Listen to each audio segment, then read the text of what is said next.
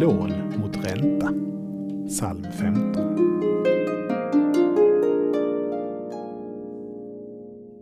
Vem får bo på ditt heliga berg? Den som inte ger lån mot ränta. I Gamla testamentet kritiseras bruket att låna ut pengar mot ränta. Åtminstone när det gäller till andra ur Israels folk.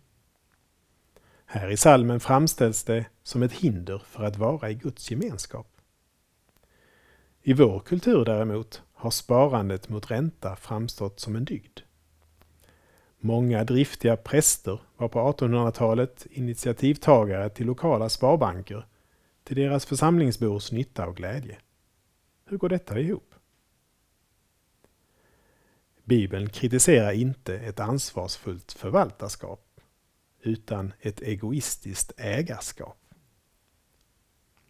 Jesus skärper lagens bud. Älska era fiender, gör gott och ge lån utan att hoppas få igen. Låna ut till dem som bäst behöver det. De som kanske inte har råd att betala ränta eller ens betala tillbaka lånet. Då ska er lön bli stor, säger Jesus. Vi ber.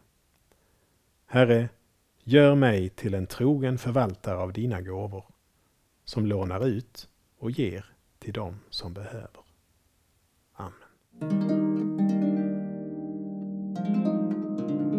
Saltarklanger med Per Runesson producerad av Norea Sverige